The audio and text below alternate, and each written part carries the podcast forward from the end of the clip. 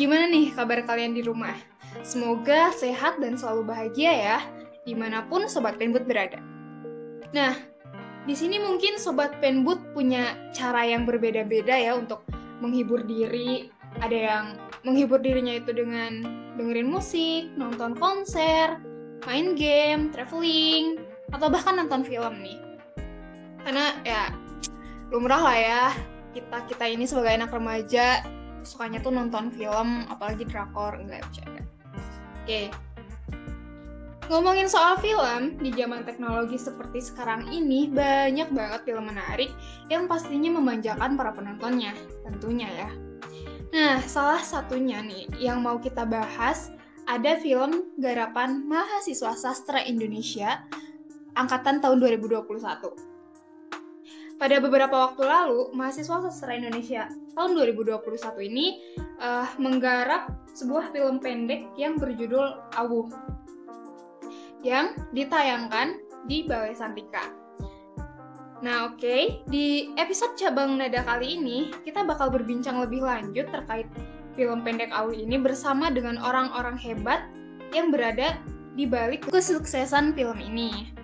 Nah, tapi sebelum kita uh, langsung gitu ya tanya-tanya bincang-bincang sama narsum-narsum kita ini aku mau uh, ngasih tahu apa ya hmm, fakta menarik gitu ya fakta menarik di balik film Au ini jadi film ini lahir atau atau tercipta dari sebuah mata kuliah mata kuliah proses kreatif film film pendek karena di um, jurusan sastra Indonesia itu sendiri ia tuh mempunyai matkul proses kreatif yang di dalamnya ada proses kreatif puisi, cerkan, lalu ada esai juga, film dan bahkan teater.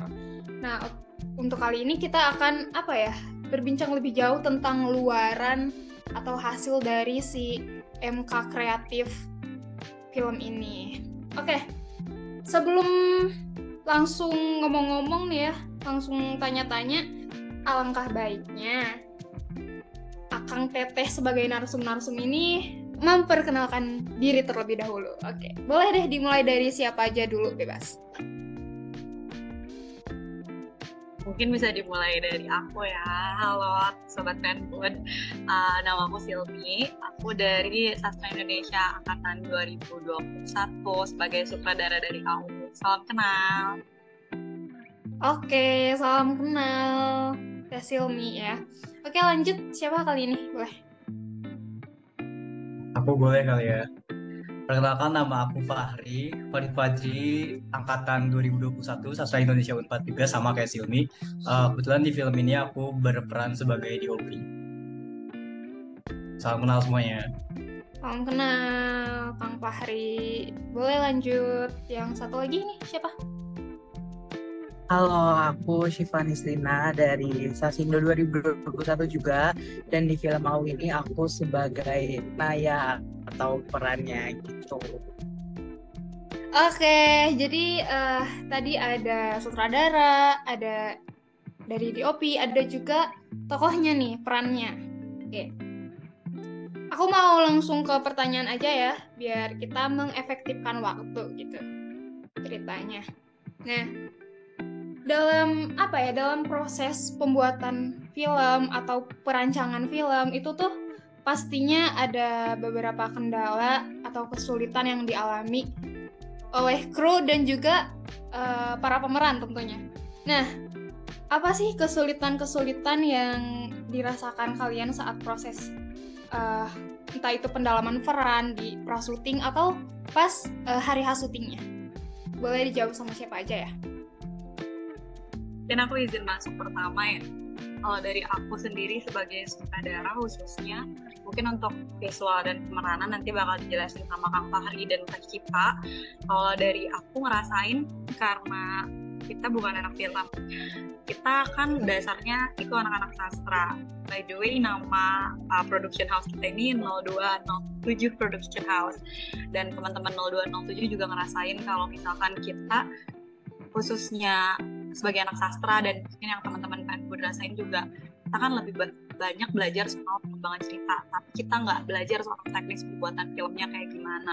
Sementara nggak bisa dipungkiri gitu kalau misalkan membuat film itu adalah suatu karya audiovisual. Jadi mau gak mau kita harus bisa uh, bikin cerita yang kita rangkai itu jadi persembahan yang ada suaranya, yang ada gambarnya, dan mau gak mau itu jadi tantangan tersendiri buat kita uh, mencari ilmu ke sana dan sini gitu buat memantapkan cerita yang kita punya. Karena kalau misalkan jadinya cerita doang kita bukan kelas produktif film pendek gitu. Jadi itu adalah hambatan yang menantang sih. Pada akhirnya kita punya pengalaman betul sebagai anak sastra Ya, kurang lebih semua udah dijelasin sih sama si Umi gitu ya. Jadi rasanya kita sebagai yang bukan anak film uh, berasa kayak mulai semua belajar dari nol gitu. Terlebih teknisnya kita belajar sama-sama gitu. Lebih ke paling uh, dari visual kamera departemen sendiri hari hanya sih ya yang agak keteteran gitu ya. Kita kan kebetulan syuting satu hari penuh. Udah pasti rasanya aduh Mi gimana Mi rasanya Mi syuting satu hari penuh suruh mau megang kamera tuh seharian puyeng puyeng ya kurang lebih itu aja sih paling. Lebih ke berasa belajar dari nol. Oke, uh, aku izin masuk ya dan mungkin ini dari perspektif yang beda aku dari pemerannya sendiri. Kalau dari aku uh, untuk pra syutingnya mungkin kendala dan kesulitan uh, yang seperti kita tahu lah memerankan karakter atau menjadi uh, seseorang kan pastinya nggak mudah ya.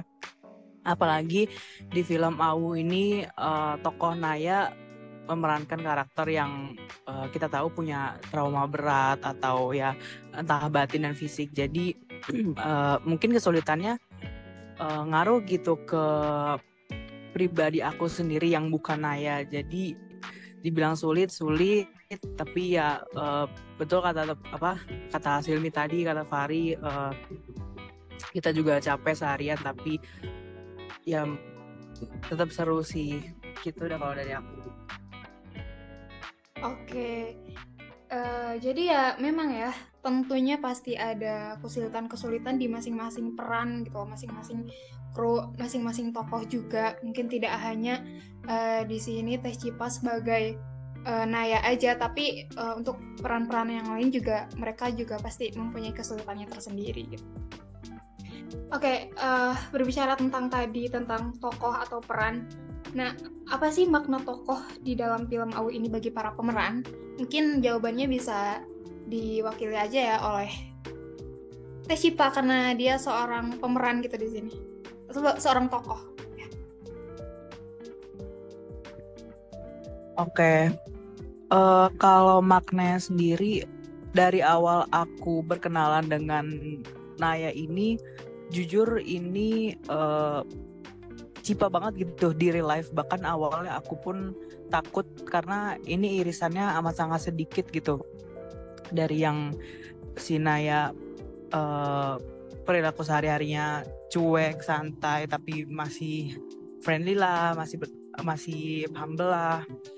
Jadi maknanya mungkin kayak uh, reminder aja sih untuk diri sendiri. Kalau kalau uh, semua tuh nggak bisa kita prediksi. Maksudnya tuh kayak selama ini kalau gue pribadi kalau Cipa pribadi itu terlalu pede gitu. Terlalu pede kayak uh, ya gue berani kok kalau ada yang nyenggol gue gue berani senggol balik gitu. Tapi ya uh, itu mungkin karena gue belum pernah disuguhkan oleh peristiwa-peristiwa seperti itu secara langsung gitu. Jadi uh, makanya tadi uh, aku bilang ini sebagai pengingat buat diri aku sendiri kalau kita jangan terlalu uh, apa ya sombong atau mikirin ini nggak mungkin itu nggak mungkin. Karena aku sendiri pun juga nggak tahu kalau misalkan hal yang terjadi kepada Naya itu terjadi kepada aku pribadi atau bahkan orang-orang yang lain amit-amitnya ya kita nggak tahu bakal gimana. Makanya uh, tokoh Naya ini menurut aku uh, pengingat yang amat sangat baik sangat uh, penting karena uh, selain dari diceritakan selain dari proses Nayanya kita juga melihat hasilnya uh, dari naik turunnya Naya ke selama peristiwa itu gitu. Jadi jadi uh, akhirnya tuh bisa kita jadiin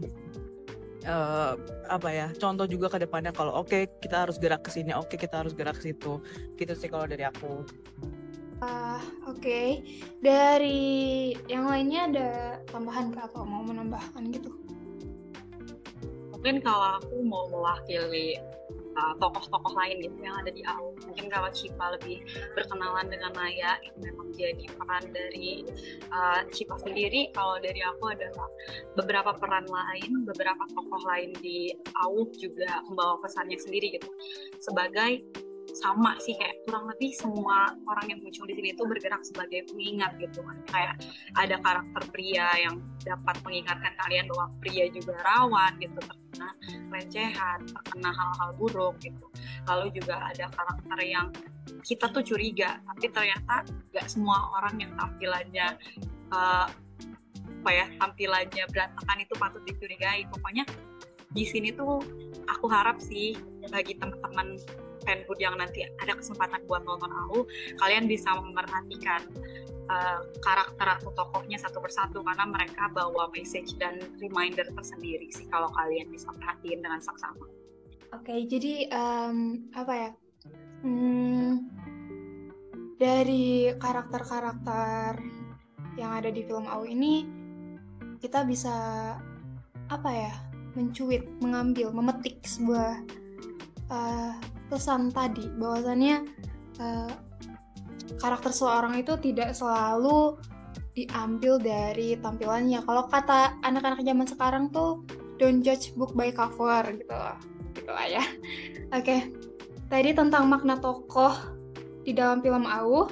Nah, sekarang aku mau nanya tentang apa makna yang mendasari judul judul dari uh, kata Auh itu sendiri dan sebenarnya ini tuh terinspirasi dari mana kasih si judul ini itu gitu? Yang mungkin untuk judul aku izin jawab. Kalau judul sendiri itu itu diambil dari bahasa Sanskerta uh, kalau misalnya dicari AU itu artinya sebenarnya adalah suara. Tapi kan seperti yang tahu bahwa suara tuh ada yang cenderung ke omongan ada yang cenderung ke suara alam mungkin atau suara pelan suara keras. Kalau AU itu cenderung kepada teriakan. Menurut aku ini satu kata uh, simple satu kata yang pendek satu kata yang catchy gitu untuk melambangkan bahwa karakter yang ada di film itu berteriak minta pertolongan tapi didengar atau enggak nggak tahu ya. Itu kalian harus nonton filmnya sendiri. Pokoknya film Aw ini melambangkan dari judulnya sendiri sudah terlihat bahwa film ini berusaha melambangkan teriakan seseorang. Entah itu teriakan kita tolong entah itu teriakan kesakitan. Pokoknya orang yang berteriak akan hak dia akan harga diri kayak gitu Oke, okay. apa ya simple tapi mendalam ya si judul AU ini. Nah ini tuh uh, ini ya apa si judul ini tuh hasil research tim sebelum produksi tentunya ya.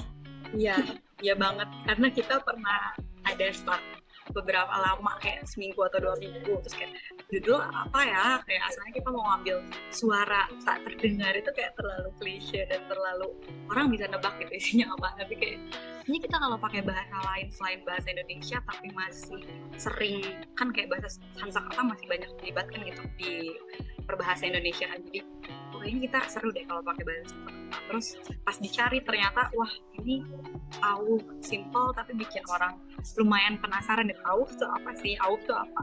Bukan auh yang ada di FIB ya auh bukan ya bukan kayak tapi ya kayak ya, gitu orang bertanya-tanya Oke, okay, uh, eh, aku mau langsung lanjut aja ya ke pertanyaan selanjutnya. Sebenarnya um, tadi juga uh, tim produksi uh, proses kreatif film ini juga bukan dari anak film ya, malah dari sastra Indonesia gitu. Dan tentunya uh, awam tapi tidak terlalu awam gitu loh.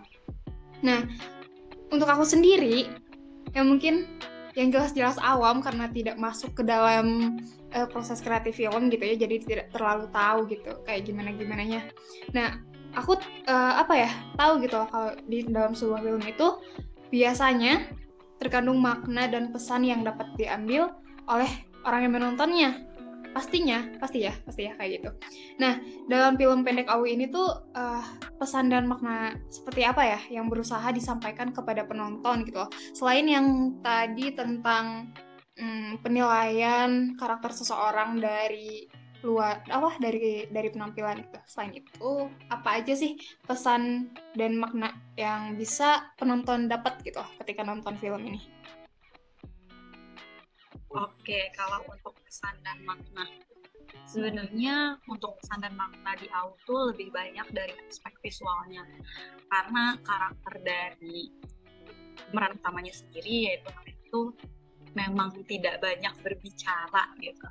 Nah, ini mewakili suara yang tidak didengar, korban yang jarang dengar. Jadi kalian memang harus yang nonton film aku tuh harus fokus banget melihat visualnya ada apa nih, ada apa nih karena itu ada clue-clue gitu, ada pesan-pesan yang berusaha disampaikan. Tapi pesan lebih umumnya adalah yang mungkin jadi uh, apa ya, jadi petunjuk buat kalian pas menonton awal adalah uh, gak, kalian nggak bisa uh, menilai semua orang tuh dari covernya karena uh, belum tentu yang A itu A aslinya, belum tentu yang B itu B aslinya dan itu tuh banyak banget ditunjukin di awal bukan sekedar urusan cover dan hati tapi juga ada stigmatif kayak soal penampilan soal uh, sifat yang tidak selalu mewakili apa yang jadi isi hati seseorang. Jadi kalau misalkan disebut pesan secara umum mau menyampaikan pesan bahwa itu kalian gak bisa nilai seseorang dari luarnya aja. Kalian harus berusaha mendalami orang tersebut buat nilai jadi jangan nilai orang sembarang. Oke keren banget sih. Apa pesan dan makna yang terkandung di dalam film ini. Dan aku juga tadi notice bahwa tidak semua korban kekerasan seksual atau korban pelecehan seksual ini gendernya adalah perempuan. Tetapi juga ada laki-laki yang bahkan uh, lebih sulit gitu lebih uh, susah ketika ia bersuara kayak gitu. Uh, ya. Nice nice nice. Oke okay, lanjut. Ini kayaknya pertanyaan ini akan lebih merujuk pada Kang Fahri nih ya sebagai visual. Jadi pertanyaannya itu dalam pengambilan video ada gak sih teknik khusus yang bisa Kang Fahri bagikan gitu buat sobat penbut di rumah? Yang ya yang simple-simple aja tidak terlalu merujuk kepada harus apa dalam pengambilan video di dalam film gitu. Tapi kayak video sinematik biasa atau ya yang kayak gitu gitu yang simple simple ada gak sih tips and trick lah istilahnya gitu? Ya, sebenarnya kayak kurang paham deh teknik khusus yang dimaksud di sini tuh apa ya? Kayak jurus kungfu kali ya. Ya mungkin kayak apa ya? Pengambilan angle-nya gitu atau kecerahannya kayak gitu-gitu. Oke oke oke.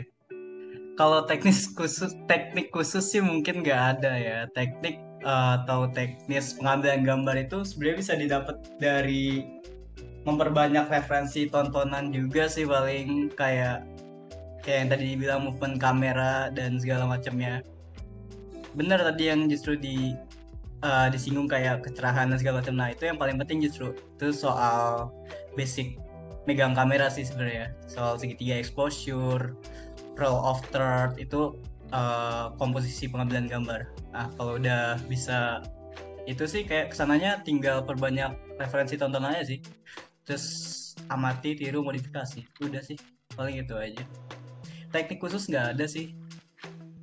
Oke, tapi uh, kira-kira nih uh, channel apakah atau siapakah nih yang biasanya Kang Fahris jadiin sebagai bahan tontonan gitu. Jadi biar sobat penmu tahu nih kita harus nonton ke mana gitu. Referensi video-video kayak sinematik-sinematik itu banyak ya muncul di Instagram gitu-gitu. Nah tinggal dikulik aja tuh dia pakai apa sih dia bikin kayak gini tuh pakai apa aja teknik editing juga kan banyak tutorial di YouTube gitu sih nggak ada spesifik siapa gitu channel ataupun orang Karena biasanya di TikTok-TikTok juga banyak kali ya. Iya di TikTok di aku sih Instagram ya pakainya Ya, Insta- Reels, Reels. tuh reels reels iya Oke. Eh, ini pertanyaan terakhir yang agaknya merujuk ke Kang Fahri lagi. Terkait pemilihan warna di dalam film itu eh, apakah sangat berpengaruh gitu. Lalu em, di dalam editing atau pengambilan video eh, bagaimana sih caranya untuk memilih warna yang pas gitu untuk setiap adegan atau untuk setiap tema film gitu karena kan misal di Disney atau film ini eh, si warna filmnya tuh kayak gini di Aquaman kayak gini. Nah em, gimana sih caranya gitu untuk memilih warna dan untuk menyesuaikan gitu? Apakah sangat penting warna di dalam film itu? Nah lalu bagaimana eh, caranya untuk memilih warna yang pas untuk sebuah film atau sebuah adegan mungkin Sylvie ntar bisa nambahin ya karena aku kurang begitu kuat sebenarnya di soal pewarna-warnaan ini ya. Pertanyaan pertama itu kan soal penting apa nggak penting eh penting atau enggak sih pemilihan warna dalam film? Kalau menurut aku nggak menurut aku aja sih ini emang bener sih. Sebenarnya penting banget warna di dalam sebuah film itu karena dengan warna itu kayak menopang banget mood filmnya itu mau dibawa ke mana bagaimana cara memilih warna yang pas ya yes Nah, mungkin ini bisa dijawab sama Silmi ya. Eh, warna-warna yang dibawakan dalam film ini gitu, cocoknya gimana? Silmi kan kemarin kalau nggak salah banyak banget request ya soal warna ini. Silmi juga Agaknya lumayan paham lah ya. malah meng-spill ya ya ya ya gitulah itulah ya intrik yang ada di dalam rumah produksi pokoknya untuk warna mungkin tadi udah disinggung sama Kang Fahri sedikit kalau mood gitu sangat-sangat mempengaruhi pemilihan warna gitu. Eh, karena ya balik lagi karya film adalah karya audiovisual jadi gambar pun harus menjelaskan karena walaupun ini sebuah cerita penonton tuh nggak baca naskah kan. Penonton nggak tahu nih apa yang berusaha kita sampaikan kecuali dari gambar dan dari suaranya. Kalau untuk warna sendiri kan itu ke visual. Di dalam AW ini sendiri eh, mungkin kalau penting nggak penting udah dijawab sama Kang Fahri. Tadi kalau aku mau jawab pemilihan warna di AW ini tuh ada dua warna utama. Kenapa kita pakai dua warna utama? Karena uh, AW ini ngangkat dua garis waktu. Jadi ada di masa sekarang dan juga masa lalu. Jadi dua warna itu mewakili masa sekarang dan juga masa lalu. Lalu untuk warnanya uh, bisa dibedain dari uh, jenis warnanya ya Ri. ada yang ke mungkin ini kalau secara teknis aku balik lagi ke Fahri cuman kalau secara visual kelihatan ada yang lebih kekuningan juga ada yang lebih uh, kebiruan. Itu kalau kalian fokus nontonnya itu sebenarnya bisa dibedain dan itu juga jadi lambang waktu sih kalau khususnya di AU sendiri. Kenapa nyambungnya ke lambang waktu? Tapi aku bilang bersangkutan dengan mood. Karena AU ini adalah film pasca kejadian kekerasan seksual.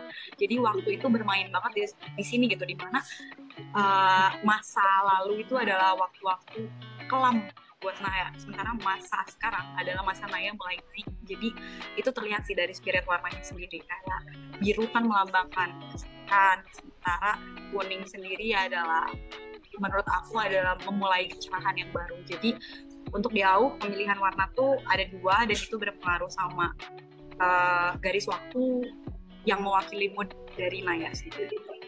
Oke, tadi katanya mau melempar kepada Kang Fahri ya? Apa nih?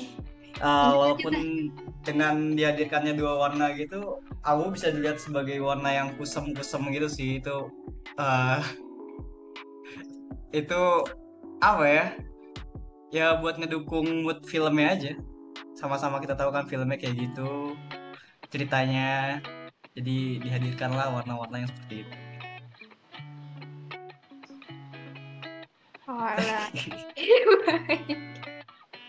Kusam ya, kusam-kusam manja warna gitu. kusam, warna kusam.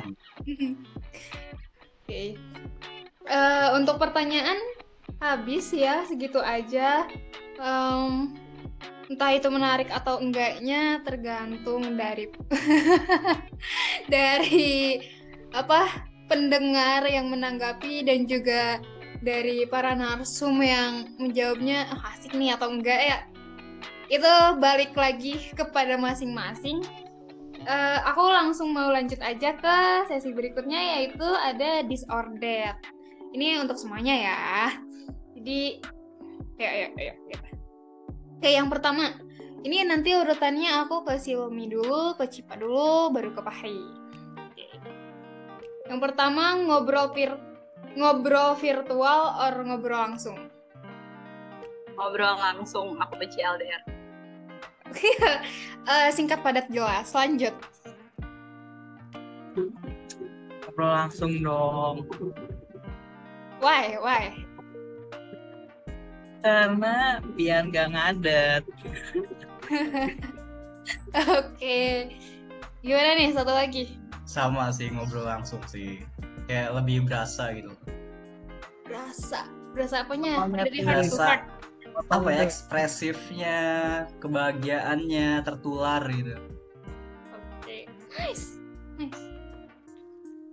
Oke, yang kedua adalah perpustakaan or tempat ngopi. Sekarang ada tempat ngopi yang ada perpustakaannya ya. Ada sih, ada. Tapi jujur aku lebih suka tempat ngopi karena aku senang bawa buku sendiri daripada cari buku. Oke. Lanjut. Aku juga tempat ngopi karena kita ngopi. bisa sambil ya kalau misalnya untuk baca buku baca buku kita bisa sambil baca buku tapi kalau aku pribadi juga pilihnya tempat ngopi sih Kalau di perpus tuh nggak bisa ngopi gak sih? Kalau di tempat ngopi bisa baca buku gitu kan. So, Nah itu ngelesnya Ya. pada pinter nih.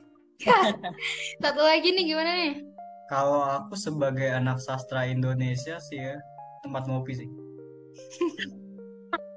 Maksudnya mewakili kopi senja kan Ria? Betul. Gaul banget. Betul. Kopi indie. sambil ini, sambil bersajak gitu ya ngopinya. Betul, betul. Oke, lanjut. Membaca buku sejarah atau menonton film dokumenter.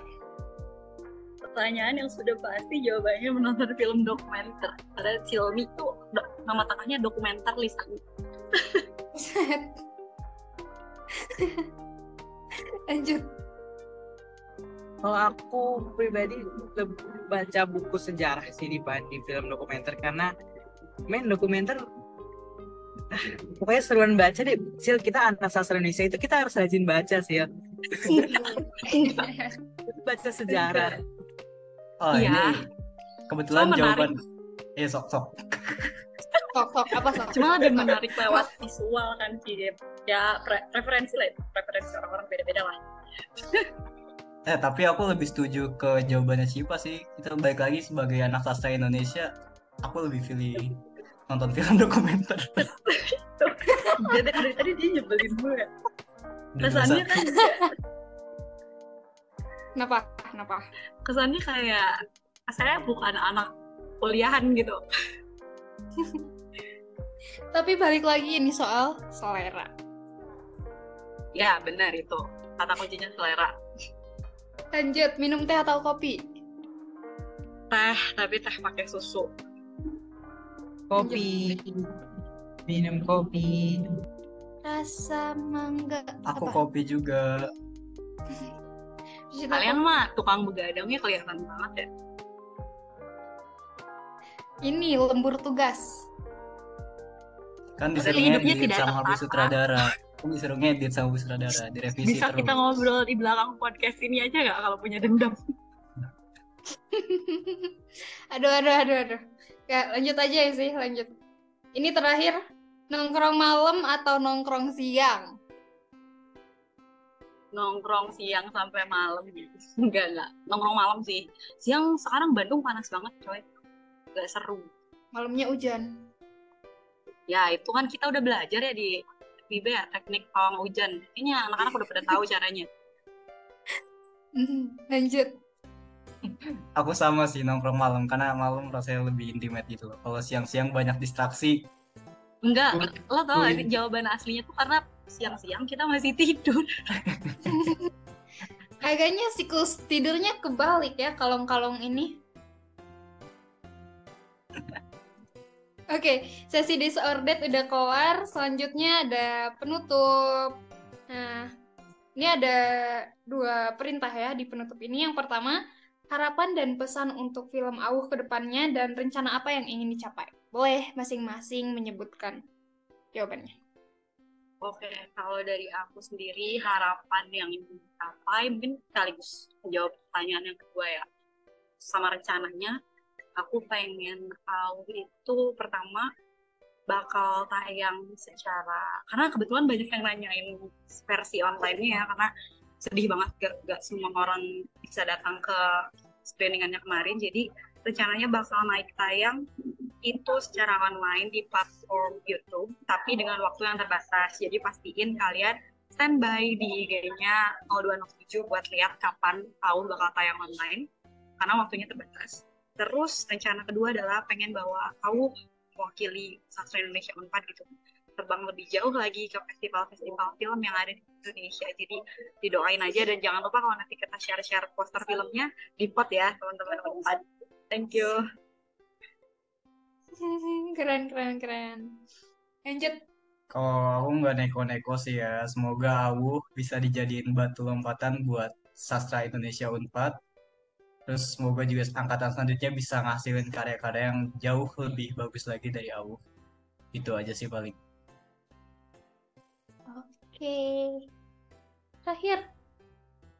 Oke, kalau dari aku, kalau dari aku kurang lebih uh, sama kayak Silvi tadi, aku pun juga berharap film Au ini bisa lebih uh, tersebar gitu dan semua orang bisa nonton dan bisa ikut memaknai sendiri uh, soal film Au Terus juga mungkin uh, ini mungkin ini ke sana egois atau gimana ya. Cuman aku pribadi uh, juga berharap gitu uh, pegiat-pegiat film AU ini yang keren-keren banget dengan ide-idenya itu bisa bisa semakin dilirik dan dilihat orang lagi potensi lebih besarnya gitu sih. Kita gitu aja. Terima kasih. Kembali kasih. Amin sih ya. Oke, mungkin aku nambahin sedikit. Uh, kalau buat aku dua hal di luar promosi AU tadi adalah pertama semoga film ini jadi hal yang memancing keberanian untuk apa? Nomor satu keberanian untuk teman-teman nyoba hal yang teman-teman anggap gak bisa. Karena ternyata kalau misalnya kalian bisa mau belajar dengan sungguh itu tuh bisa gitu. Jangan dulu kepatok hasilnya nanti gimana tapi teman-teman harus berusaha dulu mewujudin apa yang teman-teman mau. Dan yang kedua berani untuk bersuara. Inti dari film ini karena kejadian apa pun yang dialami teman itu akan ada ujungnya kalau misalkan teman-teman keep sendiri teman-teman harus cari orang terpercaya untuk bisa ngasih solusi dan nyari solusi itu bareng-bareng jadi intinya film ini ngajarin kita tentang keberanian mau di dalam atau di luar film Oke, intinya adalah jangan lupa bersuara untuk siapa pun di luar sana, untuk sobat penbut juga. Ketika kalian punya masalah atau apa pun itu, jangan lupa untuk bersuara. Yang paling pertama adalah bersuara kepada orang terdekat kita. Uh, ini pertanyaan terakhir atau apa ya? Pernyataan terakhir uh, dari kalian yaitu tiga kata untuk penbut dong, untuk pena budaya dong.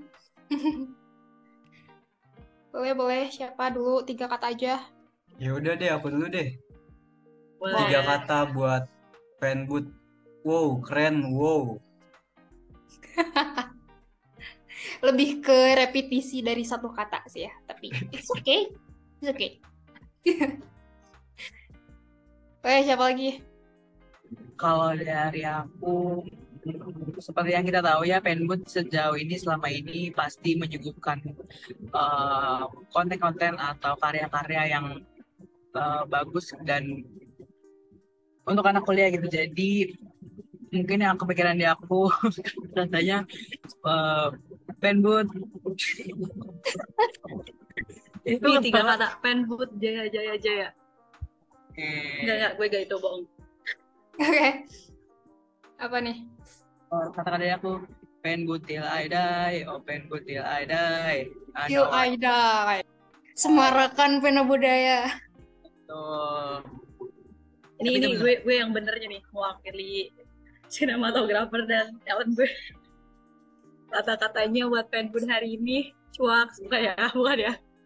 Kata-katanya buat fanbun tadi uh, up to date sama kesempatan. Karena ini ngasih yang terakhir tuh karena mewakili. Ini tuh ngasih kesempatan teman-teman FIB buat kenalin hal-hal yang mungkin tidak terkuak tapi jadi terkuak karena fanbun dibahas di fanbun Menguak fakta di balik Fakultas Ilmu Budaya. setajam silet bukan ya Oke, terima kasih ya Silmi Cipa Fahri. Agaknya aku dari tadi gak konsisten ya, kadang pakai teh, kadang kagak. Ya udahlah ya. Ya udahlah ya. Oke. Eh dari mulai perkenalan, pertanyaan, disordered sampai ke penutupan udah semua. Jadi bisa dibilang em, podcast ini sudah selesai. Eh, jadi aku mau ngucapin terima kasih buat narasum-narasum kita dari Fahri Fajri, Selmi Lisani, Syifa Nisrina, Putri. Terima makasih kasih juga udah buat Ya. kesempatannya fanbun kasih udah men- meluangkan waktunya. Eh, Oke deh, mau promosiin Instagramnya gak nih? Instagram, oh udah sih tadi gak sih? Tapi gak apa-apa terakhir kalinya. Oke, buat terakhir kalinya bisa follow Instagram dari production house kita di 0207 underscore production house kayak gitu. Cari aja karena di situ akan ada update-update buat yang nanya tayang di mana nih Au ada di Instagram 0207. Oke, soon nanti oh ada di YouTube. Nice. Eh, Oke, semuanya ini udah selesai, alhamdulillah. Jadi ya udah, udah selesai. Terima kasih semuanya. Jangan kapok untuk diundang lagi Terima sama kasih juga Terima kasih Penbun. ditunggu undangannya mungkin buat film Ya. lain ya.